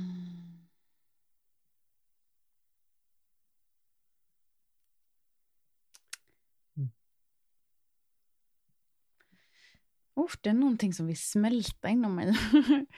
Ehm, Vi kan marinera och mm, ta upp sen också. No, jag kan jag bara säga en sån. Det var ju flera delar här kände jag i Fredriks fråga. Men om jag bara skulle ta det här dra sig undan grejen, om någon behöver dra sig undan. mm, Det är något som är väldigt viktigt för oss, att kunna dra sig undan. Eh, att, att eh, det händer ganska ofta att vi måste ha vårt egna space. Nu Mm. lever vi i Kärbo som vi säger på två olika ställen, men även när vi är på samma bostad så är det viktigt att vi kan känna en också tryggheten att nej nu behöver jag ner på Espresso House och sitta på timmar själv. Eh, så jag drar. Var på inte då Lina, vad har jag gjort något, vad är det som är fel? Utan hon har bara tillit till att nu behöver Micke det. Och så kan jag gå ner och ta en fika och jag tar ansvaret ifall det är något jag behöver dela eller så. Det kan bara vara att jag behöver vara lite själv. I min lilla grotta och du, du får ta ditt space. Ja, vad du vill. Du kan säga jag går in och lägger mig på sängen, jag vill vara själv en halvtimme. mm, Och det behöver inte vara något drama kring det utan vi har, vi har kunnat uttrycka att det är en viktig del för oss att kunna dra sig undan. Eh, att kunna känna att det är lite tråkigt, att det är lite vardag, att det, att det är helt okej. Eh, att, det finns att, få, att det också får plats. Det är nog en tanke som kom till mig. mm. Men det är väl lite som Ja, men precis. Att det, det kan få lov att vara det. Och, och om det är så att man har ett annat önskat läge än att det är vardagstråkigt då, om jag förstod det rätt på Fredrik, så, så tänker jag att mm, jag tycker att du är väldigt bra på att göra vardagstråkigheten eh, till guldkantsdagar. Liksom. Eh, vi är ganska bra på att hitta saker att fira och eh, ja, om jag kommer hem efter att ha haft, eh, haft klienter så, så står det mysigt dukat och med alkoholfritt bubbel en tisdag. Jag älskar sånt. Alltså bus och överraskningar eh, som... Det behöver inte vara så stora saker. Alltså man behöver inte slå på stora trumman liksom. Men om det är så att man önskar ett annat läge så, så uppskattar jag verkligen sådana saker jättemycket. Eller en lapp på kudden när Micke har åkt eh, till Ronneby eller vad som helst liksom. Som, som skapar mm. så många olika saker i, i mig. Jag kan säga till Fredrik, så här, ofta smittar ju sånt här energi. Alltså, att, mm. att man, man kan fråga sig själv ibland så här, hur, hur levande gör jag vår relation? Hur mycket, mm. hur mycket bidrar jag med buset? Så man inte går runt och väntar på den andra eller så, utan, eh, eller gör sig till offer i det. Utan jag, jag upplever det med, med oss att vattnar man så får man tillbaka. Och jag, att börja utmana sig med lite sådana bus, eh, som, jag, som jag ofta liksom lägger små lappar som du säger, eller du laddar båda tandborstarna innan vi ska sova. Eller, mm. Alltså de här små överraskningarna i vardagen, så man inte bara, så det inte bara blir det där slentrian, utan våga utmana lite. I början använde vi mycket frågekort som vi laddade ner på nätet med relationsfrågor, sexfrågor, eh, eh, roliga så här. Bara för att, bara för att göra, ha kul ihop i vårt utforskande. Liksom. Mm. Så det, att, att, eh, det finns massa tror jag idéer och verktyg som man Eh, annars kan vi diskutera det tillsammans, sätta sig ner. Kan vi komma på tio idéer mm. som hade varit lite galet, som varit roligt att göra vår relation liksom. Så tror jag man kanske kan hitta det. Och sen, och sen då föra dem till verklighet eller förverkliga dem. Mm. Så, så det, det är väl det vi försöker busa, det är mycket bus, det är det. Eh, ja, det är det faktiskt. Ja, både busa och, eh, och att eh, använda jag tänker lite så som vi använt exempelvis WhatsApp med röstmeddelanden, mm. Eh, att det har varit ett så otroligt fint sätt att kommunicera och vi har ju även använt det som att så här, vet du jag har tänkt på en sak, det här är lite jobbigt, jag, jag kan tycka mm. att det är utmanande att ställa den här frågan till dig, men här kommer den. Mm. Eh, och så liksom skjuter man loss eh, och man behöver inte alltid sitta mitt emot varandra.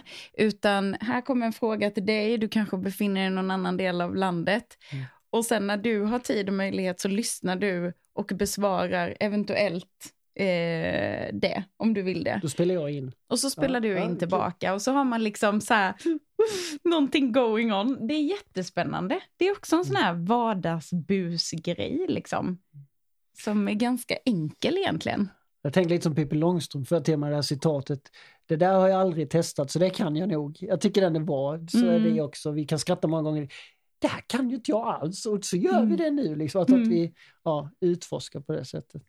Så, mm. ja. Jättefint. Och jag, jag, jag, tänker, um, det kan vi också göra även om man bor som sambos. Alltså mm. WhatsApp-grejen. Absolut. Att också leka med dem. Mm. Och jag tänker också, något som kommer till mig kopplat till hans fråga, det här med att när någon känner sig avstängd, eh, som är ett ord som vi kanske liksom lämnade lite där.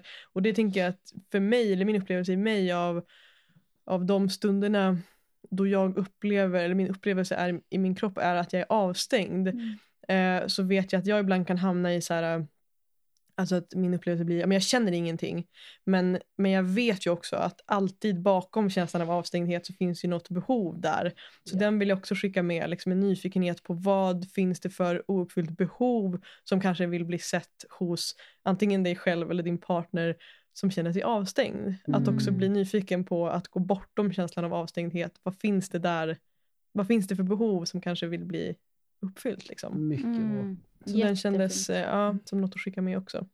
Ja men verkligen, och att där också använda det här som vi också pratade om, att, att ha eget utrymme. Att det kanske är så att i den avstängdheten, eller för den andra partnern, eh, att man behöver utrymme.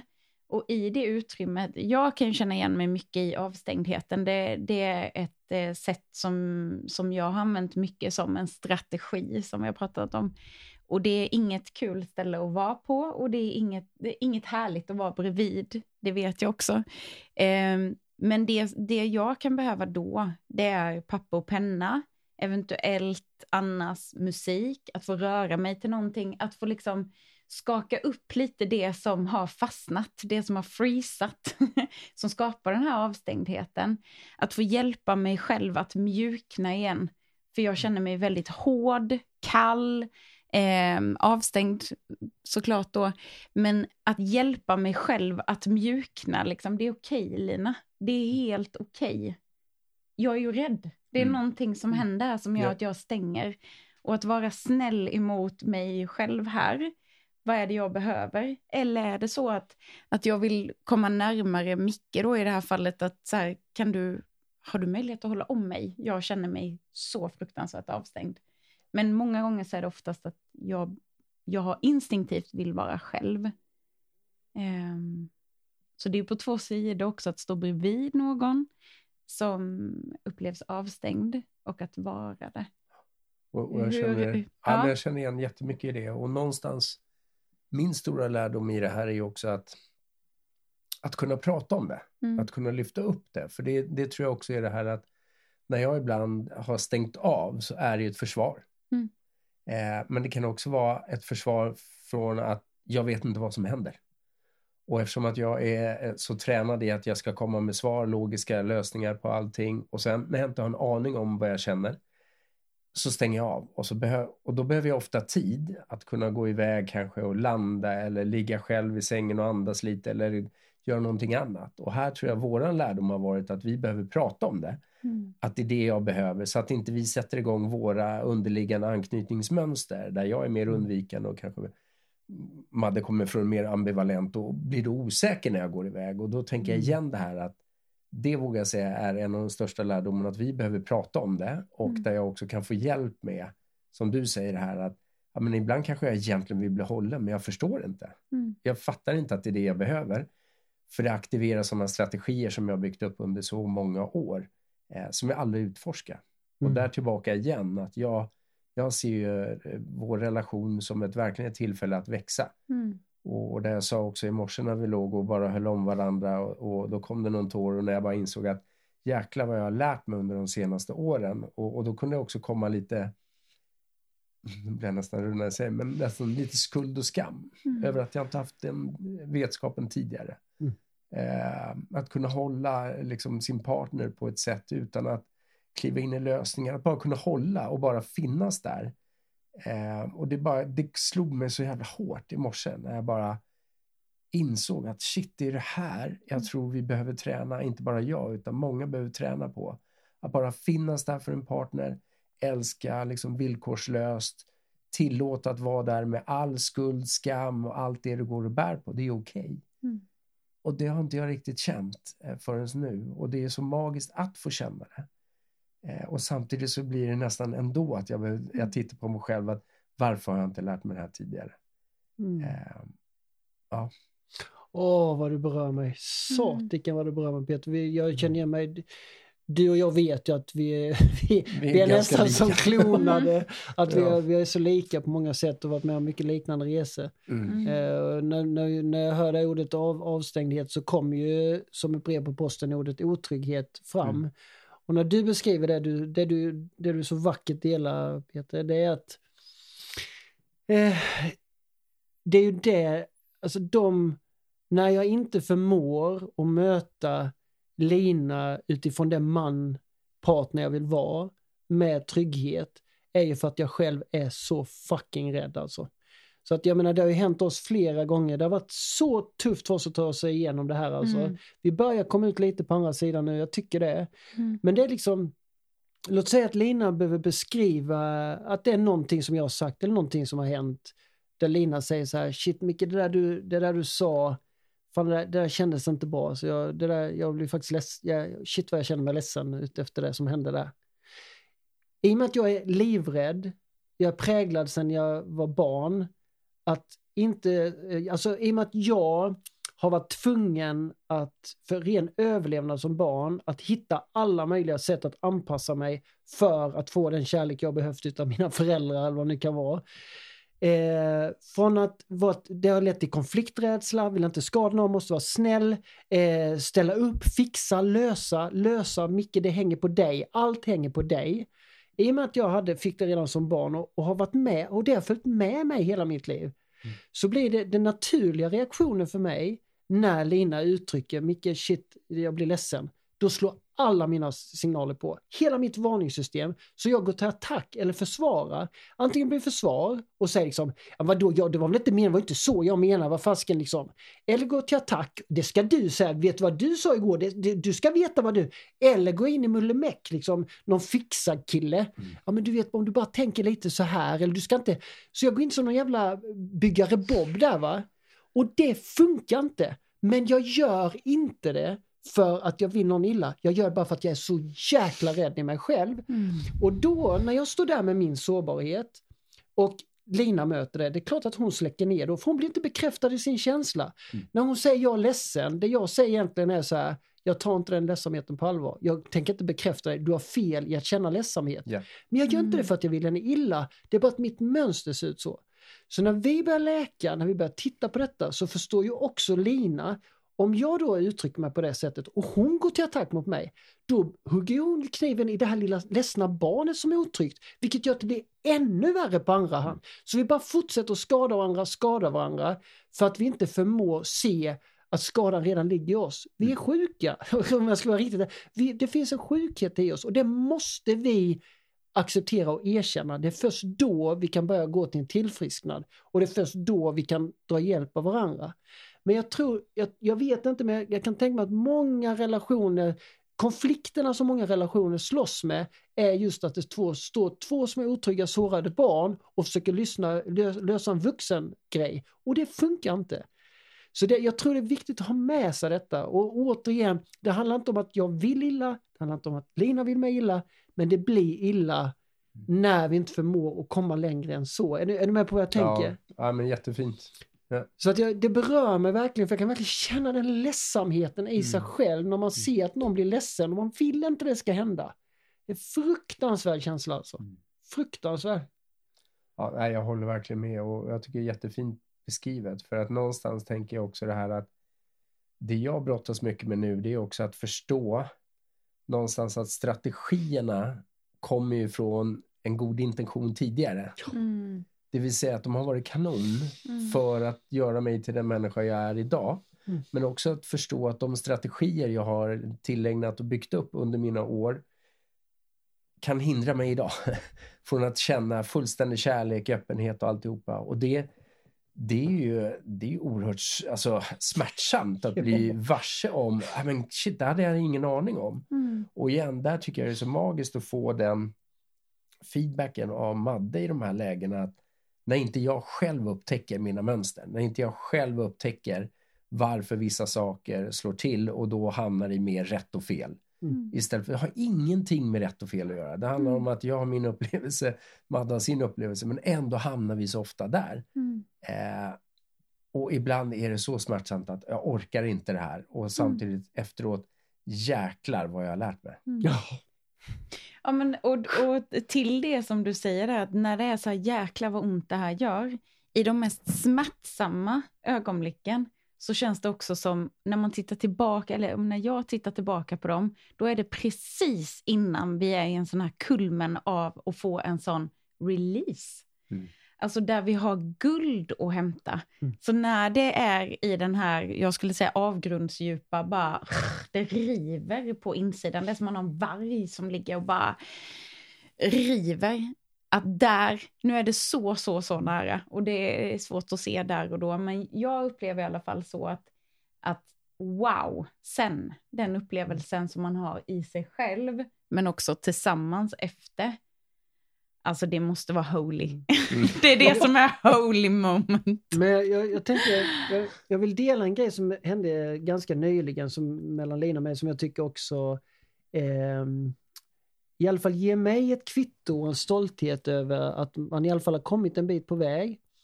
Och det, låt säga så här att Lina och jag har hamnat i ett skav där vi har någonting som är svårt, ett, ett svårt samtal liksom, att våga möta varandras sårbarhet. Och så efter ett tag när vi har pratat så, så kanske eh, Lina säger så här, eh, jag skulle, kan jag få uttrycka något jag skulle behöva, som jag känner att jag behöver nu när vi har pratat? Och så säger Lina till mig, eller jag säger ja, ja absolut. Och så säger Lina till mig, hur skulle det kännas för dig? För hon frågar, det är också så här underbar grej som vi har lärt oss, att man frå, ber om lov, alltså fråga varandra när man bjuder in varandra. Inte bara säga ge mig en puss, utan hur skulle det kännas om jag, om jag bad om en puss? Alltså att ge den andra människan en rimlig chans överhuvudtaget att känna in, precis som vi sa i början av det här poddavsnittet, att känna in. Men nu säger, vi, säger Lina så här, i det här sårbara, att hur skulle det vara, hur skulle du känna om du bara kunde hålla om mig en stund? Och det som är så coolt där, det är att jag känner efter och kan uttrycka till Lina och säga jag tror inte jag fixar det just nu. Jag är så skör efter vårt svåra samtal så att om jag skulle säga ja nu, vilket jag kanske på ett sätt skulle, så känns det nästan som att jag gör lite våld på mig själv. Skulle det kännas okej okay om vi väntar lite? Och så säger du till mig, det är fint att du säger det, tack. Och så kan vi bara mötas där, sen tar det en liten stund och så när vi ska gå iväg så håller vi varandra i handen. Då har vi båda två hunnit med oss själva och varandra. Men där kan jag säga att där, där är jag stolt över mig själv också att i även den situationen veta att jag, ska, jag gör inte detta för att såra. Jag skulle sårat Lina om jag hade gett henne kramen när jag inte själv är redo. Det hade inte varit schysst mot Lina, för det vill inte Lina att jag ska göra.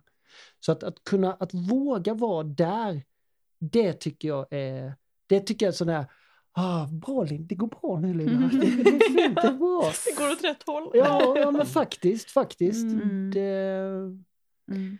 mm. Mm. Och jag tänker det, för att ta vidare på det du sa om att det går bra nu.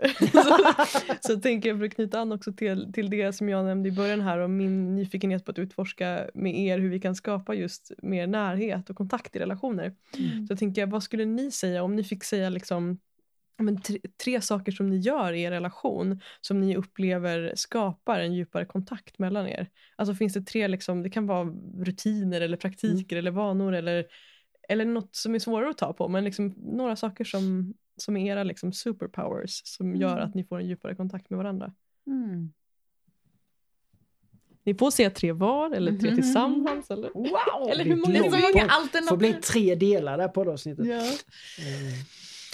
Mm.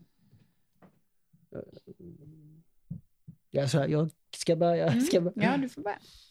Ehm.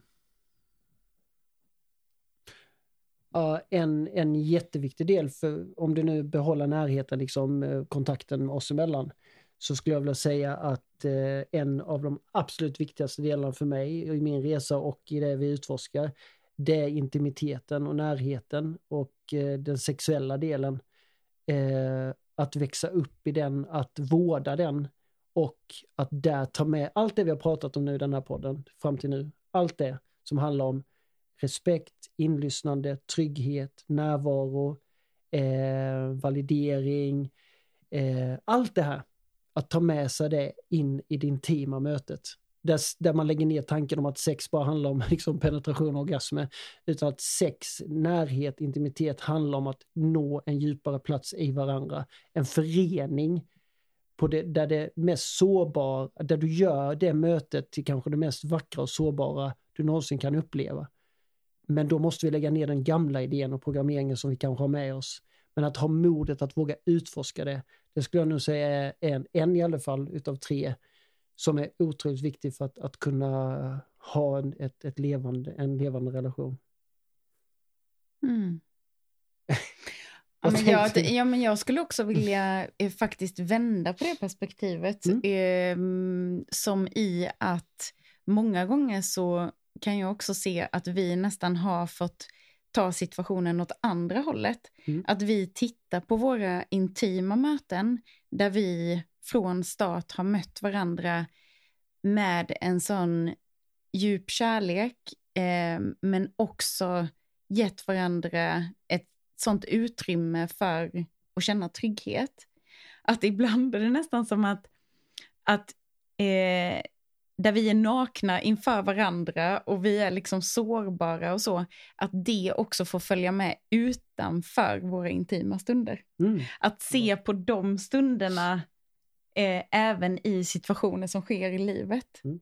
Eh, faktiskt. Det, det är därför jag ibland säger så att det låter inte konstigt men det känns som att vi är intima nästan hela tiden. Inte, inte att vi har sex hela tiden men jag, jag tänker så att gå och hålla dig i handen, att stå bakom dig när vi skalar potatis, att borsta tänderna ihop, att sitta och fika ihop. Allt det liksom är en slags, näst, inte sexuell intimitet men det är en intim stund. Det är en kontakt. Det är en kontakt, det är en Mm. djupare kontakt. Mm. Och sen om det är att vi, om det sker i en kyss eller om det sker när vi går och håller handen eller jag, jag vill att det ska vara, det är inte, det är inte liksom fredag kväll klockan sju, utan detta, detta, det är liksom en röd tråd. Den energin, alltså den, den intima sexuella energin blir en röd tråd på något sätt. Inte en aktivitet utan mer ett förhållningssätt att, att vara. Men jag tror Eller? det är också mycket att vi älskar med livet, liksom. Att vi, Ja. vi njuter väldigt mycket så generellt. Och eh, att det speglar av sig på det sättet.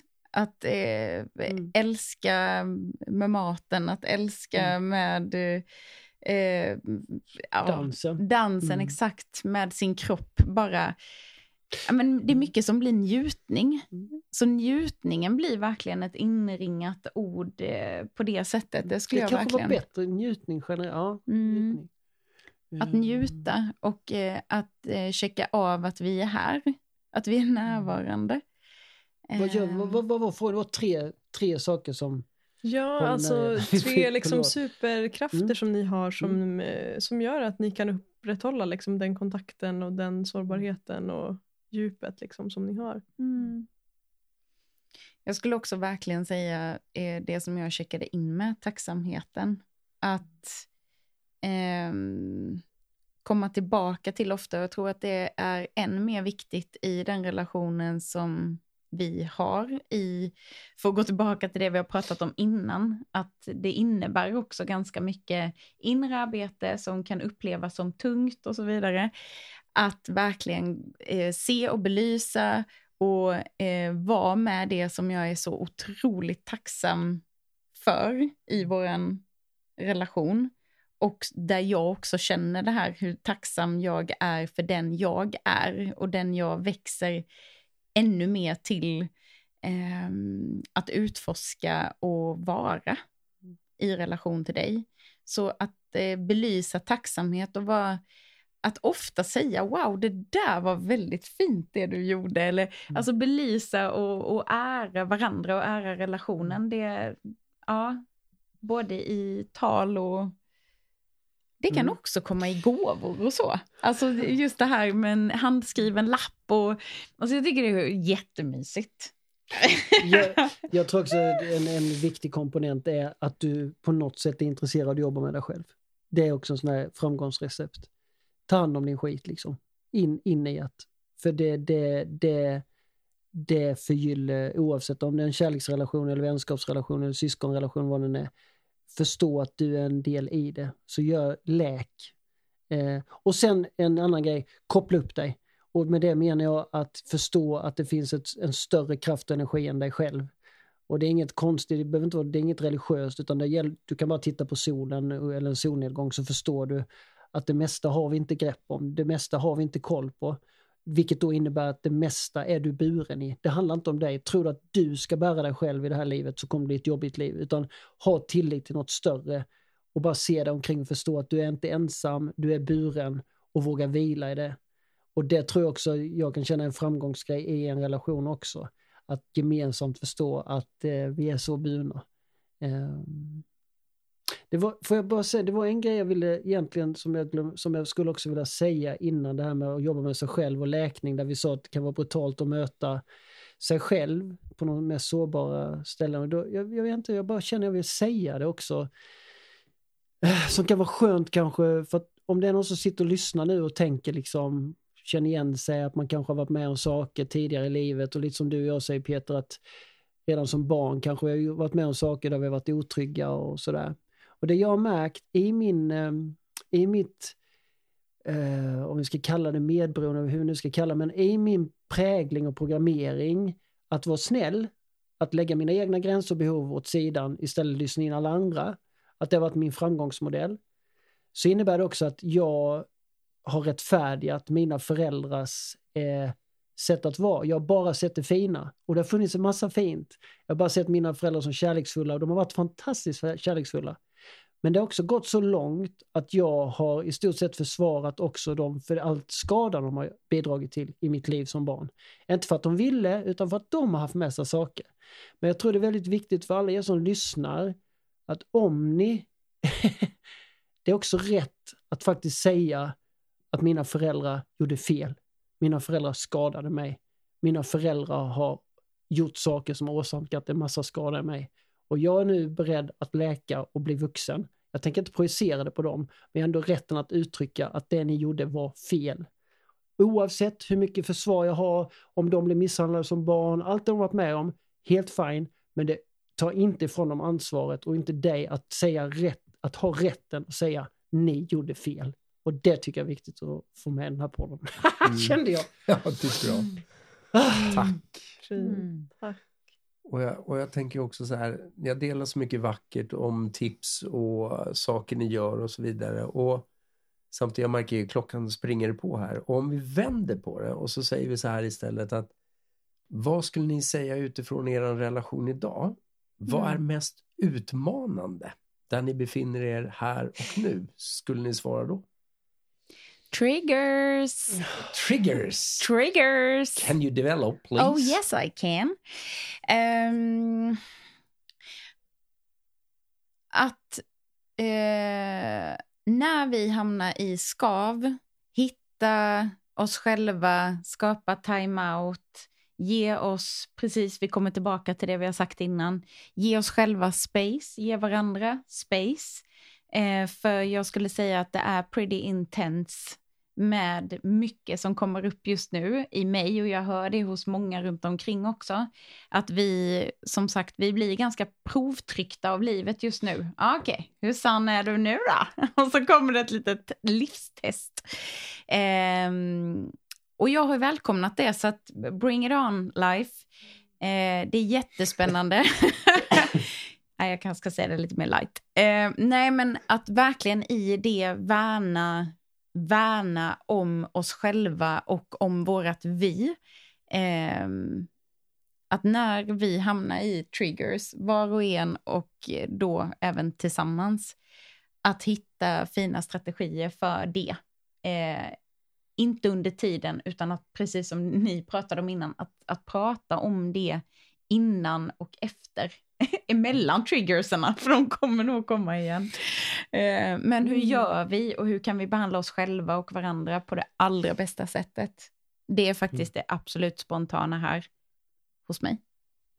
Jag tänker också att, att, att, på något sätt inte glömma bort att vi spelar på samma planhalva. Vi är i samma lag. Att, att alltid påminna sig om det. Att vi är inte motstånd, det är ingen som vill, vi är inte mot varandra. Vi, är mm. på sam, vi spelar i samma lag. Mm. Men även i samma lag, ibland kan man behöva kritisera backen eller fråga vad håller du? Alltså man behöver jobba på i samma lag också. Det jag tycker är mest utmanande nu, alltså i vår, det som jag tycker är mest utmanande, det är liksom eh, hur klarar vi att hålla dig och mig i respektive respektives jobb att läka. Det tycker jag är nog mest utmanande. Alltså att, orka, att gå den, man, man gör så, eh, jag kan bara ta för mig, men när jag gör en så, när jag bestämt mig för att göra en sån här viktig läkningsresa för mig, så är det klart att det påverkar vårt vi. Och det kan jag tycka, det kan jag tycka är mest knöl, alltså, utmanande att se hur, vad behöver viet under tiden du jobbar på din skit och jag på min skit. Hur, det tycker jag är, den, den, den, den mm. kräver sin klurighet. Eh. Tack för att ni delar. Och mm. jag tänker att innan vi avrundar, för tiden springer verkligen iväg, så skulle jag lyfta in en sista lyssnarfråga. Mm. Som kommer från Alva. Som skriver så här. Hur gör man slut fast att man älskar någon? Mm. Wow. Mm. Ah. Vilken skör fråga. och vilken, vilken också, vilken viktig, eh, vilken viktig fråga. Um, det kan vara så mycket bakom, bakom ett sånt beslut att även om, om jag älskar någon med hela mitt hjärta och inser samtidigt att det här går bara inte. Ehm, det kanske handlar om en dedikering till just det här som vi har pratat om idag. Man kanske har en önskan om en mer medveten relation och en partner inte har det. Ehm, det blir för skavigt helt enkelt och eh, man har svårt att förstå varandra, mötas upp och vara trygga. Ehm, hur gör man detta? Alltså någonting som, eh, som kommer till mig direkt är att prata utifrån sig själv. Eh, det är väldigt lätt här, tror jag, att hamna över och peka på partnern. Det du gör, det, ja, det åsamkar det här i mig.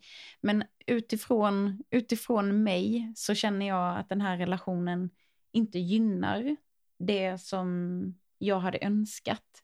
Um, och därför så känner jag att vi skulle behöva gå åt olika håll. Uh, att utgå ifrån sig själv känns viktigt. Mm. Oh, jag förstod först inte hur, hur, hur viktig den frågan var. Alltså. Jag tänkte, men herregud, om hon älskar, skulle inte göra slut? Alltså det, det, det var väldigt bra fråga. Alltså, för att det som kommer till mig är, en, en, en del är så här, om du har kommit så långt i dig att du kan känna att det är detta som behöver hända, så lita på din intuition även när du ska förmedla detta. För du, du är antagligen det är så viktigt för dig för att det du kommer, det du kommer stå inför nu är så svårt. Mm. För att å ena sidan älskar du men på något sätt, antingen är det så här, på något sätt kan det vara att du behöver sätta gränser, du behöver göra detta för dig och partners skull. Så att du, det kräver kraft och mod att, kunna göra detta och då tänker jag då är du redan buren där så du kommer fixa det så vackert, så fint. Jag har full tilltro att du kommer klara det. Det jag däremot också vill säga, var lite obs på så det inte är att du flyr ifrån kärleken nu. För att det finns rädslor eller saker som där du har ett beteende där det är lättare för dig att sticka nu. Så att du går miste om all den kärlek som, som står och väntar på dig. Det vill jag också skicka med faktiskt. Mm. Att vara lite nyfiken på det. Ja, så känner jag. Just det. Mm. Att inventera. Ja, är det så. så. att jag flyr eller är det så mm. att jag behöver lämna den här relationen? Mm. Mm. Fint. Det kan finnas, det kan gömma sig ett vackert samtal mellan dig och din partner som ni inte kanske har haft ännu men som skulle kunna vara jättefint. Där du kanske måste våga tro på det din partner säger och våga lita på det fast du kanske inte har en vana och en historia att kunna göra det. Men denna gången kanske du har det. Så att gör den inventeringen. Och jag skulle nästan vilja, kom och prata med mig, får vi prata. Men det, det, jag bara känner vibrerar hela mig för att det är så skört det här. Mm. Det kan vara helt rätt men det kan också vara olyckligt. Mm. Ja, och vi, vet ju, vi vet ju vet ingenting om det. bakgrunden. Mm. Och, och, och, och, samtidigt tänker jag också det här att det, det vore så fint att kunna lyfta också någonstans alltså egna önskemål, vad är det egentligen jag önskar mm. och vad är mina intentioner egentligen? Mm. För det låter så, liksom, gör slut eller inte. Mm. Eh, och vi vet ju ingenting som sagt vad, vad som ligger bakom. Men det jag, det jag tror att jag också hade behövt träna mycket mer på det är att också vara väldigt tydlig med vilka behov och önskemål jag egentligen har och våga lyfta dem. För jag tror att väldigt många i relationer egentligen går och håller inne väldigt mycket behov och önskemål mm. som de inte vågar prata om för att de skäms. Det finns mycket skam, det finns mycket annat bakom. Och där skulle jag ju önska att kanske fler vågade lyfta upp det. Mm. Eh, att våga prata om det. Och eller är, de så rädda, eller är man så rädd att våga uttrycka sanningen för att om man gör det så blir man lämnad. Det, man vågar inte uttrycka det för att man är rädd att bli lämnad. Så det är mm. bättre att jag lämnar. Mm. Exakt. Mm. Ja. Exakt.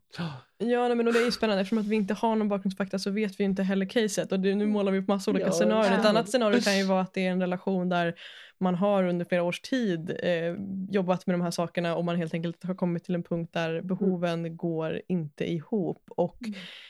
det bästa för individen är att faktiskt lämna och där kan ju också vara liksom, ja, gör det som är rätt för dig. Liksom. Mm. Så jag tänker gå tillbaka till det du sa mycket om att lyssna på intuitionen. Mm. Beroende på vad, vad kontextet är. Liksom. Mm. Du ska må bra i Mm. relation. Ja, fint. Mm. Jag tänker ehm, Wow. Lina och Micke. Ja. Ja. Tiden har gått så otroligt Åh. snabbt. eh, Och jag tänker för, ehm, för lyssnarna som vill dyka djupare i de här ämnena som, liksom, som vi har touchat på nu. Mm. ehm, Så jag är nyfiken på att höra om ni har några boktips. Om ni har liksom, ja, några böcker på varsitt håll som har förändrat ert förhållningssätt på ett eller annat sätt. Kopplat till relationer eller inre utveckling på, på något vis. Liksom. Och läser ni inte så kan det vara poddar eller andra grejer. ja. Mm. Ja, nej men så är det ju faktiskt. Jag läser inte så jättemycket böcker. Jag lyssnar på podd ibland. Eh, går på en del relationskurser som ger väldigt mycket. Host, host. ja, för du var med på vår behovskurs. Ja! Jag tycker det är fantastiskt att få uppleva saker och ting. Eh, och eh, någonting som jag tycker är så fantastiskt spännande så är det faktiskt bland annat att titta på olika, nu tittar inte jag mycket på tv heller, men är det något jag gör så är det relationsserier. Eh, Gifta vid första ögonkastet eh, tycker jag är fantastiskt spännande att få titta på med just de här medvetna relationsögonen. Eh, där de också har eh, psykologer och sexologer eh, inkopplade. Det tycker jag är helt fantastiskt. De borde göra samma i Bonde söker fru om ni frågar mig. Faktiskt, då. ja.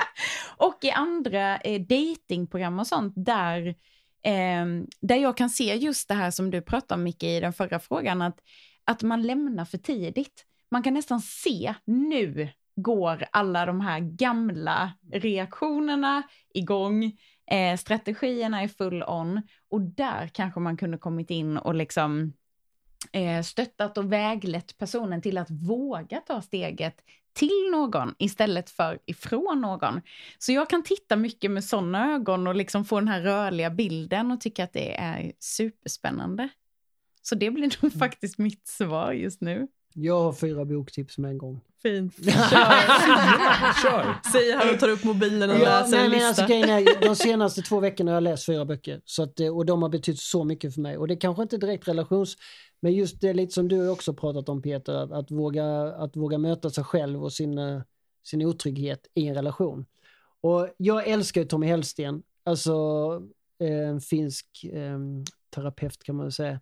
Som, han var egentligen startskottet på, en utav, på min resa för tre, fyra år sedan när jag mötte honom.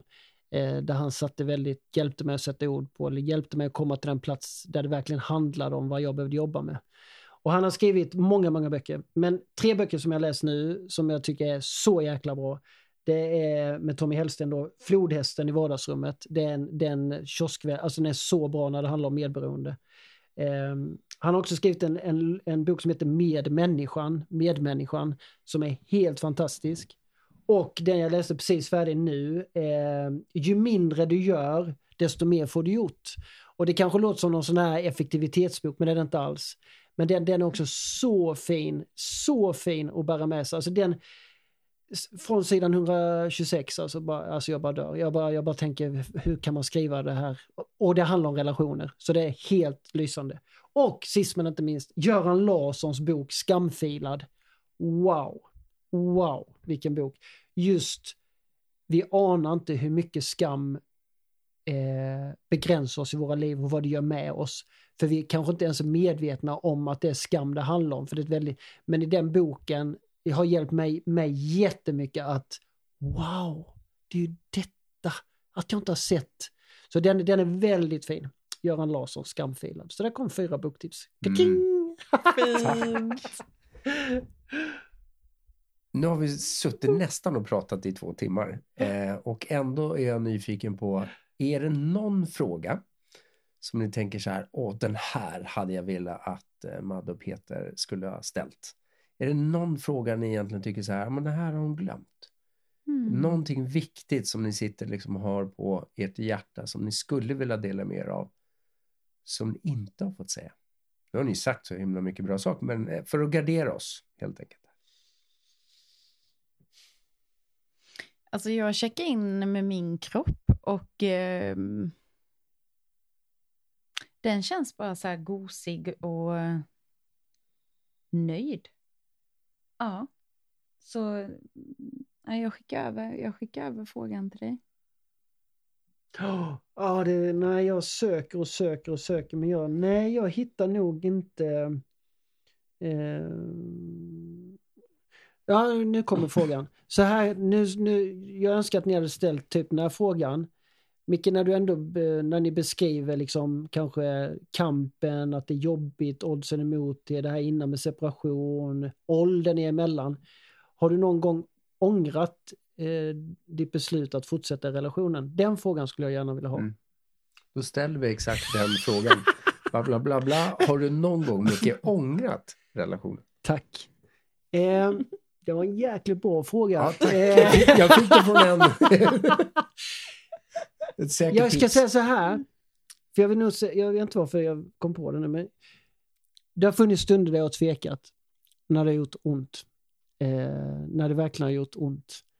Och eh, det är som de brukar säga, mod handlar inte om att inte vara rädd, utan mod handlar om att vara rädd, men ändå våga följa sitt hjärta. Och då skulle jag vilja säga så här, nej, jag ångrar ingenting. Jag vet att jag inte alltid varit den smartaste människan på den här resan. Jag har gjort vad jag kunnat, men jag ångrar ingenting. Mm. Tack. Mm, vackert. Jag skulle kunna kopiera det där svaret om du hade ställt den frågan till mig. Jag trodde du skulle säga jag ångrar mig. Jag har också tvek och det vet du också. Ålder, Mm. andra saker, andra faktorer. Men då vet jag också att då hade jag låtit rädslan styra mer. Så att jag tycker det var fint. Mm. Så vill jag säga tack för, tack för att ni bjöd in oss till detta samtalet. Mm. Jag tror det har betytt mer för oss än vad ni tror. Mm, Mm. Mm. tack själva. Men vi kommer inte släppa er än. Vi är inte färdiga om ni tror det. Nej. Om Omgång ni, två. Omgång två. Nej men det är ju faktiskt så att vi kommer inte lämna er innan vi har fått svar på den viktigaste frågan kanske av alla. Dun, dun, dun, Om, om det är så att ni fick nå hela världen i 30 sekunder, vad skulle ni då vilja förmedla? Och här tänker jag att ni får vars, Är varsina det f- 30 Är sekunder. det 15 sekunder var eller 30 Nej, sekunder nej, var? precis. Vi delar upp. Mm. Mm. Eller göra, men ni får också göra något med dem. Mm. Det som känns nära mig när jag hör frågan är att jag skulle vilja uppmana dig som lyssnar just nu att våga vara än mer sårbar. Eh, om det känns tryggt för dig i de relationerna som du befinner dig i just nu. Eh, att skapa ett tryggt space för dig själv.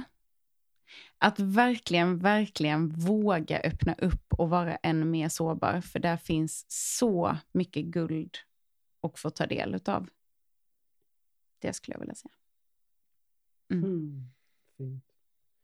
Mm. Eh, ja, vad ska jag säga? Jag känner så här att Alltså det, den, du har rätten att må bra. Du har rätten att känna glädje. Du har rätten att känna allt det du känner. Och är det så att du är på en plats där du inte mår bra, där det skaver, där du inte får vara och känna att du kan vara den du är. Så vill jag att först du ska känna att du inte är ensam, men också att försök inte vara stark själv, utan be om hjälp, sträck ut en hand. Eh, för du är menad att leva när du är här. Det är nog det jag kände. Mm. Mm. Mm. Tack till er båda. Mm. Tusen tack verkligen för den här tiden vi har fått dela med er. Det mm, ja, har varit så vackert. Och jag tänker för lyssnarna som vill komma i kontakt med er, vart kan de nå er bäst? Mm. Fin och aktuell fråga. Mm. Ehm, ja, men mig hittar ni på eh, Instagram, hemsida med namnet Besjälat. Och på plats i Halmstad och på så många andra ställen i Sverige. Yes. yes. Och det är samma, Micke Gunnarsson hittar ni på Insta, på webbsidan, googla, alltså man hittar lite överallt. Mm. Ehm, ja. Ja. Mm. Tusen tack hörni. Tack hörni. Tack. Jag vill också passa på att tacka veckans samarbetspartner på learnvoicedialog.com som ger dig som lyssnare 10 rabatt på årsprogrammet för dig som vill inkludera voice dialog i ditt arbete som coach, terapeut eller i andra kontext. Du anmäler dig enklast med eh, koden perspektiv 10 på learnvoicedialog.com eller lär dig mer om voice dialog innan du anmäler dig i avsnitt 118 med utbildaren och terapeuten Robert Stamboljev. Tack till dig som har varit med oss idag. Vi är så nyfikna på hur det här landar i dig. Vilka tankar, insikter, frågor och kanske till och med triggers väcks inom dig. Det betyder enormt mycket för oss att få ta del av dina processer och vi ser fram emot att höra från just dig. Skulle du vara intresserad av att gå ännu djupare och fortsätta det här samtalet så har vi också skapat en Facebookgrupp för att samlas och connecta och du hittar den genom länken som finns i beskrivningen till det här samtalet. Ett annat sätt att hjälpa oss att sprida samtalet vidare och att hjälpa oss att vara en del i att skapa en mer nyfiken och öppen värld är att posta det här på din story och helt enkelt visa att det här är perspektiv och samtal som behöver lyftas. Än en gång, tack till dig som är här med oss.